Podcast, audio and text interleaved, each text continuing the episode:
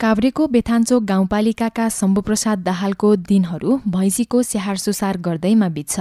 घर बेथान्चोक गाउँपालिका भए पनि हाल पनौतीमा जग्गा भाडामा लिएर उहाँले भैँसी पाल्नुहुन्छ। रोजगारीको सिलसिलामा उहाँ केही वर्ष अघि वैदेशिक रोजगारीका क्रममा मलेसिया पुग्नु भएको थियो। सुरु सुरुमा चाहिँ यसमा खासै इन्ट्रेस्ट पनि थिएन त्यति लगाए पनि थिएन होइन?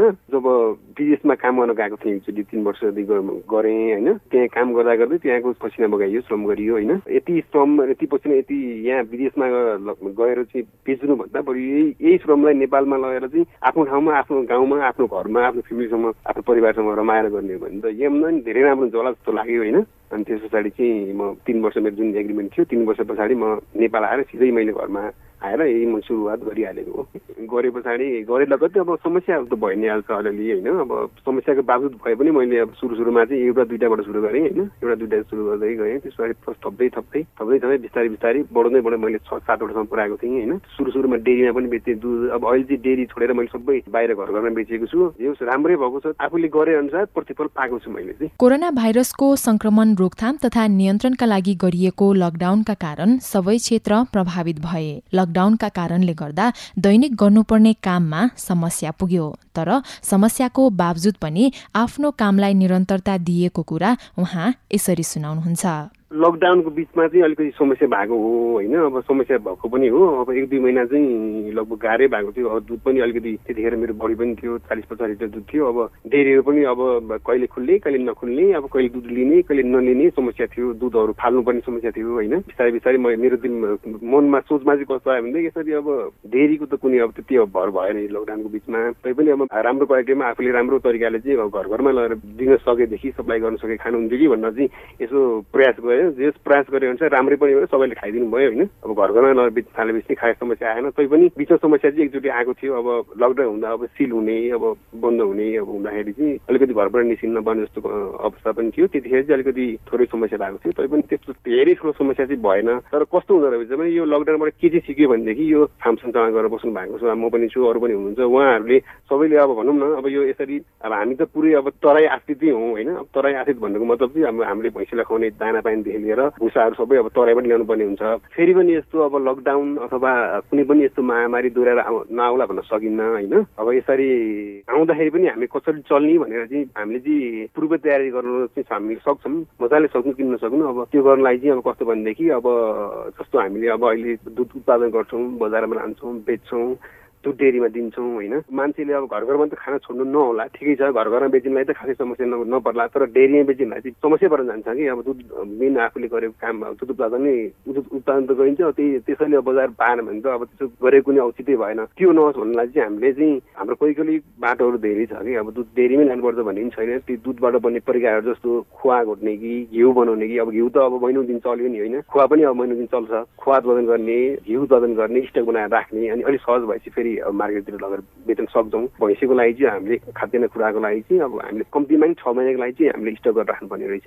जसोतसो दुध उत्पादन त गरिन्थ्यो तर बिक्री वितरण घटेपछि किसानलाई समस्या भयो। भिडभाड गर्दा कोरोना संक्रमणको जोखिम अझ धेरै हुने भएकाले दिन बिराएर दुध सङ्कलन समेत गरियो। तर उहाँले उत्पादन गर्नुभएको दुध डेरीमा नभई घरमै पुर्याउन सुरु गर्न थाल्नुभयो। हालको अवस्थामा आफ्नो स्वास्थ्यलाई पनि विशेष ख्याल गर्दै उहाँ घर घरमा दुध पुर्याउन निस्किनुहुन्छ। मेरो चाहिँ कस्तो छ भने अब बिहान पनि अब एकचोटि निस्किनुपर्छ अब घर घरमा डुल्नुपर्छ है। बेलुका पनि घर घरमा डुल्नुपर्छ घर भनौँ न दुध दिँदै अब जानुपर्ने हुन्छ। बढी नै हुनसक्छ रिस्क हुनसक्छ भनेर मैले चाहिँ अब मास्क युज गर्छु अनि क्लोभ लाउँछु। अनि त्यस पछाडि अब घरबाट निस्किए पछाडि के निस्किँदाखेरि चाहिँ अब मास्क ग्लोभ लगाएर जान्छु आउँदाखेरि पनि घरमा आएर अब सेनिटाइजर युज गर्छु प्लस अब सानो पानी हात धुन्छु यस्तै यस्तै नै हो। अब भनौँ न खासै अब मान्छेहरूलाई दुध दिँदाखेरि पनि अब दुध हातमै नदिने साइडमा राखिदिने यस्तो यस्तो गरेर सकभर मान्छेहरू टच नगर्ने होइन? यस्तै यस्तै गरेको छु। अब आफूले सकेको यस्तै यस्तै नै हो। अरू बाहेक त अब के नै छ। म चाहिँ दुध लिएर चाहिँ लगभग बिस पच्चिस तिसवटा घरमा पुग्छु सायद। बिहान उठ्ने बित्तिकै त अब उठेर अब सिधै अब पैसा दुने दुध दुहे पछाडि दुध प्याकिङ गर्ने प्याकिङ गरे पछाडि अब दुध बेच्न लाने यही नै हुन्छ। दुध बेच्न गएपछि आएर अनि भनौँ न गाई बस्तुलाई अब कुँडो पानी दिने खुराकी दिने यस्तै त हो नि अहिले चाहिँ दैनिक चाहिँ लगभग तिस लिटर भन्दा छैन। मैले अधिकतम सुरु सुरुमा गर्दाखेरि मैले भनौँ न पचपन्न साठी लिटरसम्म मैले दुध उत्पादन गरेँ। छवटासम्म पालेँ होइन। छवटासम्म पाल्दाखेरि चाहिँ लगभग साठी लिटर दुध चाहिँ मैले उत्पादन गरेको थिएँ दिनमा। शम्भु प्रसाद दाहाल जस्तै धुलिखेल नगरपालिका वडा नम्बर एघारका मेनुका बडाल पनि दुध उत्पादनमै व्यस्त हुनुहुन्छ। अहिले उहाँको गोठमा चारवटा गाई र एउटा भैँसी छ। आजकाल दैनिक करिब तीस लिटर दुध उत्पादन गरेर डेरी पुर्याउनुहुन्छ। आफ्नो गोठको कुरा उहाँ यसरी सुनाउनुहुन्छ। अहिले चारवटा गाई छ एउटा भैँसीको थोरै छ ब्याउने।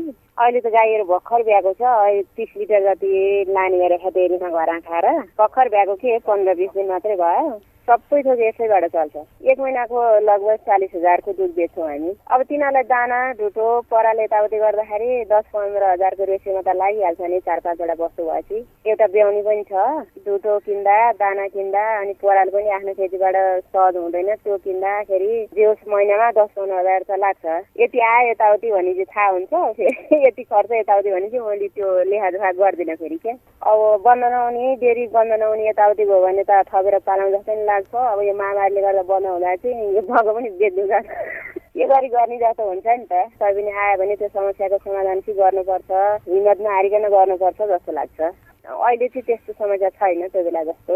जब कोरोना भाइरसको महामारी सुरु भयो त्यो बेला उहाँलाई आफ्नो दैनिकी काम गर्नै नसकिने पो हो कि भन्ने चिन्ताले सताउँथ्यो। त्यो बेला चाहिँ अब हामी यही खेती किसान गर्नेलाई के गरेर गरेर खाने होला जस्तो भयो नि। अब त्यही दुध उत्पादन गरेर त्यहीबाट आएको थियो। अब त्यही पनि बन्द भएपछि त के गरी गरेर खाने होला जस्तो भयो नि। अब आर्थिक सङ्कट त्यतिकै त्यो बेला चाहिँ दुध बन्द हुने। अनि अब पशुलाई दाना पानी अब धुटो सुटो पनि नआउने समस्या त भयो नि। हाम्रो यहाँतिर होटेल सोटेल त्यसो चल्ने पनि यताउता छैन। एक दुई दिन बन्द भएको घरतिर खायौँ अनि त्यहीँ डेरीमै लग्यौँ। घाटा त चाहिँदो भयो नि अब दुध एक दिन बेच्यो भने तिन दिन चाहिँ बन्द भयो डेरी। अब डेरी बन्द भइसकेपछि अन्त लगाएर बेच्ने ठाउँ पनि छैन हाम्रो होटेलहरू पनि चल्ने पनि छैन यहाँतिर। त्यही घरतिर आफैले खान सके खाए नखाए सिलाइदिने काम मात्र हो। कहिले काहीँ पनिर चाहिँ आफैले घरकै खानको लागि चाहिँ बनाइदिउँ अनि यहाँ छरछिमेकलाई पनि दियौँ एक दुई दिन आफैले पनि बनाएर खायौँ अर्थोक चाहिँ त्यस्तो अन्तलर बेच्ने त्यस्तो सदुपयोग त्यस्तो नि भएन। बजारको व्यवस्थापन नभइसकेपछि अब घरको लागि मात्रै कति भनेर एक दुई दिन त बनाएर खायौँ पनि अनि त्यत्तिकै खेर। उत्पादनमा अलिअलि त अब दाना ढुटो किन्न नसक्दाखेरि बेच्न नपाएपछि त पैसा नभएपछि त कसरी किन्नु छ र? अनि अलिअलि कमी त आयो नि। जे जस्तो समस्या आए पनि उहाँले आफ्नो दैनिकीलाई निरन्तरता दिइरहनु भएको छ। कोरोना भाइरसको जोखिम कायमै रहेकाले स्वास्थ्य सुरक्षाका उपायहरू अपनाउँदै काम गरिरहेको र अरूलाई पनि यस्तै गर्न सुझाउनुहुन्छ। त्यो बेला चाहिँ अब मास्क लाएर जाने डेरीतिर अनि साउन पानीले हात धुने। गाई भैँसी धुँदा पनि अब साउन पानीले हात धुएर मात्रै धुने गऱ्यौँ आफू सुरक्षित रहने त्यही त हो नि बाहिरको मान्छेसँग त्यति उ नगर्ने। अब गाउँमा बस्ने मान्छेलाई बाहिरको मान्छेसँग हात मिलाउने यताउति नगरेपछि त सुरक्षित हुन्छ जस्तो लाग्छ। डेरीतिर जाँदा नि सबैजनासँग हात मिलाउने पनि नगर्ने। अनि आफ्नो दैनिक काममा चाहिँ निरन्तरता दिने अनि त्यो रोगको पनि त्यति पनि हुँदैन। आफ्नो दैनिक काममा निरन्तरता दिएपछि त। ख्याल गर्नुपर्ने कुरा त त्यही त हो नि। आफूले मास्क लाउनु पर्यो साबुन पानीले हात धुनु पर्यो बस्नु धुँदा पनि हात धोएर मात्रै धुनु पर्यो। सकेसम्म चाहिँ डेरी नभइदियोस् जस्तो लाग्छ। बन्द भयो भने उसै त अस्ति पनि त्यस्तो घाटा लाग्यो अब अहिले पनि फेरि लाग्ने हो कि भन्ने डर छ। अर्थक त के हुनु छ र? यता पनौती नगरपालिका वडा नम्बर सातका श्याम मानन्दरको अनुभव भने अलि फरक छ। कोरोना महामारीका कारण भएको असहज वातावरणले उत्पादनमा भन्दा पनि बजारीकरणमा समस्या भएको उहाँ सुनाउनुहुन्छ। उत्पादनमा त अब खासै भन्नुपर्दा सरकारले पनि कृषिलाई अलिकति छुट यताउता जान मिल्ने गरी गरिरह भयो। हामीले बजारमा लान पायौँ। र कहिलेकाहीँ डेरीतिर अलिकति दुध पठाउन त्यही बन्दको कारणले गर्दाखेरि गाह्रो भएर कहिलेकाहीँ हामीले घरैमा पनि स्टोर गर्नुपर्ने भयो फ्रेस फ्रिजतिर राखेर होइन? नत्र भने त्यति गाह्रो परेन। र अनि कामदारको लागि पनि तपाईँको ठिकै थियो कृषिमा खासै भन्नुपर्दाखेरि त्यो थिएन।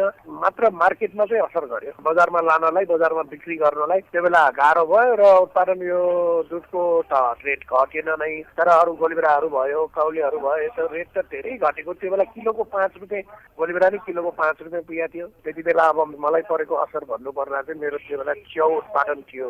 च्याउ उत्पादन थियो। च्याउ चैतको दस गतेसम्म च्याउ लगभग थोरै भाउ भयो पनि हामीले कालमाटी बजारमा पठाइदिने गरेका थियौँ। जब चैत एघार गतेदेखि गाडी बन्द भयो। गाडी बन्द भएपछि अब च्याउको उत्पादन धेरै बिक्री गर्नै सकेनौँ। लोकल बजारमा पचास किलो जाने भन्दा बाहेक अरू जा अरू पठाउन सकिएन। त्यो कारणले गर्दाखेरि च्याउमा चाहिँ गाह्रै पर्यो। बिक्री नै छैन बजारै छैन कहाँलाई नि कहाँ बिक्री गर्ने? अब धेरै टाढा गाडीको गाडी चल्दैन। त्यो भएर गाह्रो चाहिँ बजारीकरणमा चाहिँ धेरै गाह्रो भएको थियो। नियमित काममा लागिरहँदा हामी स्वास्थ्यको ख्याल कमै रूपमा गरिरहेका हुन्छौँ। कोरोना संक्रमणबाट जोगिनका लागि अपनाएका उपायहरू अब बानी नै परिसकेको उहाँ बताउनुहुन्छ। कोभिड भनेर त्यति हामी सतर्कता अप्नाउनलाई नेपालीहरूले त्यति या मैले पनि त्यति गरेनौँ हामीले पहिला पहिला होइन कस्तो हो के हो भनेर पछि अनि कोभिड भन्ने के हो त साँच्चीकै हो कि होइन हो कि होइन अफवाह हो कि भन्ने कुराहरू पनि आयो होइन? त्यो भएर हामी अलि अन्यलमै थियौँ अन्यलमा भइकन पनि हामीले चाहिँ अब आफ्नो पेसालाई त नियन्त्रण दिनु पर्यो। केही खतरा नआएसम्मलाई नियन्त्रण दिनु पर्यो। त्यो हिसाबले हामीले हल्का फुल्का सकेसम्म चलाउने नै हिसाबमा गऱ्यौँ। पनि अब कोभिडले भनेर हामीले कतै काम छोड्नुपर्ने अवस्था त आएन। नेपाल सरकारले दिएको जुन छ अब हात धुने मास्क भयो हात धुने भयो त्यो चाहिँ हामीले जुन बेलादेखि थाहा भयो त्यो बेलादेखि प्रयासहरू सुरु भयो। अहिले जस्तो यो बानी नै परिसक्यो। अहिले त घर जाने बित्तिकै टोइलेट तिर्ने साबुन पानीले हात धुने होइन? त्यति बेला त भर्खर भर्खर बानी भयो। पहिलादेखि त बानी थिएन। त्यो बेला अलिअलि सुरु गरियो अनि पछिबाट चाहिँ बानी पर्यो यस्तो गर्ने उस्तो गर्ने खाना खानुभन्दा अगाडि हात धुने होइन? अब मास्क लगाउने त्यो कुरा कहाँ गर्ला कहाँ के गर्ला अनि कोठामा सामानहरू धेरै युज नगर्ने आवश्यक भन्दा कपडाहरू बढी ननिकाल्ने त्यो कुराहरू गऱ्यौँ हामीले। अप्नाएका छौँ हामीले सक्दो अहिले पनि मास्क छुटाएका छैनौँ होइन? अब साथीभाइहरूसँग भेट हुँदाखेरि हात मिलाउने गरेकै छैनौँ। आवश्यक परेपछि मात्र धुने। के गर्नु परेपछि धुने खानु परेपछि मात्र धुने भन्ने भएको थियो। अहिले चाहिँ काम गरिसकेपछि दिनको दुई तिनचोटि नै धुनुपर्ने भन्ने कुरा भयो। अनि फेरि स्टाफहरूलाई पनि मास्क लगाएर आउनु लगाउनु भन्ने हिसाब भयो। पन्जाहरूको व्यवस्था भयो। त्यसरी गरिरहेका छौँ हामीले। उहाँहरू त हुनुहुन्थ्यो दुध उत्पादन गर्ने काभ्रेका केही किसानहरू। जिल्लाका विभिन्न स्थानका किसानहरूले व्यावसायिक रूपमा भैँसी तथा गाई पाल्न थालेपछि दूध तथा दूधजन्य पदार्थका लागि आत्मनिर्भर बनेको छ। जिल्लाभित्र कुल दूध उत्पादनको बत्तीस प्रतिशत मात्रै खपत हुने गरेको छ। बाँकी राजधानी निर्यात हुन्छ। जिल्लामा दूध उत्पादनको पछिल्लो अवस्थाबारे जानकारी दिँदै हुनुहुन्छ दुग्ध सहकारी संस्था काभ्रेका अध्यक्ष नारायण बडाल। काभ्रे जिल्लामा सबै ठाउँमै निर्वाहमुखी ढङ्गले एउटा दुईवटा पशु पालेर धेरै जस्तो तेह्रवटै पालिकामा उत्पादन चाहिँ भइरहेको छ। तर बजारीकरणको लागि चाहिँ विशेष गरी चारवटा गाउँपालिका बाहेकको चाहिँ बजारीकरण हुन्छ र विशेष गरी धेरै उत्पादन हुनेमा चाहिँ पनौती नगरपालिका वर्णनदेवपुर नगरपालिका पाँचखाल नगरपालिका बनेपा नगरपालिका धुलखेल नगरपालिका जोशी गाउँपालिका पेथान्चोक गाउँपालिकामा चाहिँ विशेष गरी बजारीकरणको लागि दुध आउँछ र अरूमा चाहिँ दुग्धजन्य पदार्थहरू बनाएर छुर्पी मखन खुवा लगाएको सामग्रीहरू दुग्ध पदार्थ मात्रै बजारमा आउने छ। अलिक टाढा भएको हुनाले बजार सडकको सडकको पनि एक्सिस नपुगेको हुनाले त्यहाँ अलिक कम उत्पादन हुन्छ। अहिले उत्पादन चाहिँ लगभग यहाँ साढे दुई लाख लिटर चौहत्तर सालमा जान्थ्यो। त्यसको अनुपातमा दस पर्सेन्ट जति वृद्धि भएको देखिन्छ र अहिले लगभग तिन लाख लिटर जति दुध जिल्ला आत्मनिर्भर यो जिल्लामा खपत भइकन काठमाडौँ उपत्यकामा जाने अवस्था छ। धेरै जस्तो किसानहरूको के समस्या छ भनेदेखि दुध बिक्री नहुने पशुलाई खुवाउने पशु आराहरू चाहिँ महँगी हुने र पशुपालन गर्नै नसक्ने अवस्था र त्यो किसानहरू चाहिँ ऋणमा डुब्ने अवस्था भएको हुनाले अब कति किसानहरू अहिले निराश पनि हुनुहुन्छ। यो दुधको उत्पादन चाहिँ घट्ने अवस्था देखिन्छ कि? यो कारणले अब जब दुधै आफ्नो उत्पादन गरेर चिजै बिक्री नभएपछि त पैसा पर्दैन अनि सधैँभरि चाहिँ नोक्सानमा घाटामा किसानहरूले चाहिँ गर्न सक्ने अवस्था छैन। विशेष गरी व्यवसाय गर्ने किसानहरू त झन् दुबन्दी अब ऋण गरेर पशु खरिद गरेको छ। दुध बेच्न नपाएपछि त्यो ऋणको ब्याज पनि तिर्न नसक्ने अवस्था भइरहेको छ। मुख्य गरी चाहिँ पशुलाई चाहिने आहाराहरू ज्यादै महँगो भएर त्यो लागत कस्ट चाहिँ धेरै छ। पाँच चरण छ चरणमा भइकन यो दुध चाहिँ उपभोक्ता कहाँ पुग्दैन र यो बिचमा चाहिँ पन्ध्र सोह्र रुपियाँको चाहिँ एक लिटरमै ग्याप भएको देखिन्छ। विशेष गरी सरकारले चाहिँ घाँस खेतीमा प्रोत्साहन गर्नु पर्यो अब पशुलाई नै पनि केही अनुदान दिएर चाहिँ त्यसो गर्नु पर्यो त्यसो गर्न सकिएको खण्डमा अलिकति चाहिँ रेट पाएको। खरिदमा पनि अलिकति सहुलियत पायो भनेदेखि अलिक रेट पाएको महसुस गर्नुहुन्छ। त्यसलाई अलिक व्यवस्थित ढङ्ग गर्न सक्यो भनेदेखि लागतमा अलिक कमी आउँछ। जिल्लाको बनेपा पनौती धुलीखेल ढुङ्खर्क कुसादेवी गैरी बिसौना बालुवापाटी देउपुर रबिओपी पातलेखेत पाँचखाल नयाँ गाउँ रयाले चण्डेनी मण्डन महादेवस्थान नाला ज्याम्दी भकुण्डे दाप्सा लगायतका ठाउँमा गरी चालिस हजारको हाराहारीमा किसानले व्यावसायिक रूपमा दूध उत्पादन गर्दै आइरहेका छन्। दुई हजार भन्दा बढी प्रत्यक्ष रोजगारबाट लाभान्वित भएका छन्। व्यावसायिक गाई तथा भैँसी फर्महरू दर्ता गरेर सञ्चालन गर्नेको संख्या पछिल्लो समय बढ्दो छ। सरकारले किसानलाई दिने अनुदान कार्यक्रमबाट कृषि उत्पादन वृद्धि गर्ने र किसानको आय आर्जनमा वृद्धि गर्न सहयोग हुने गरेको छ।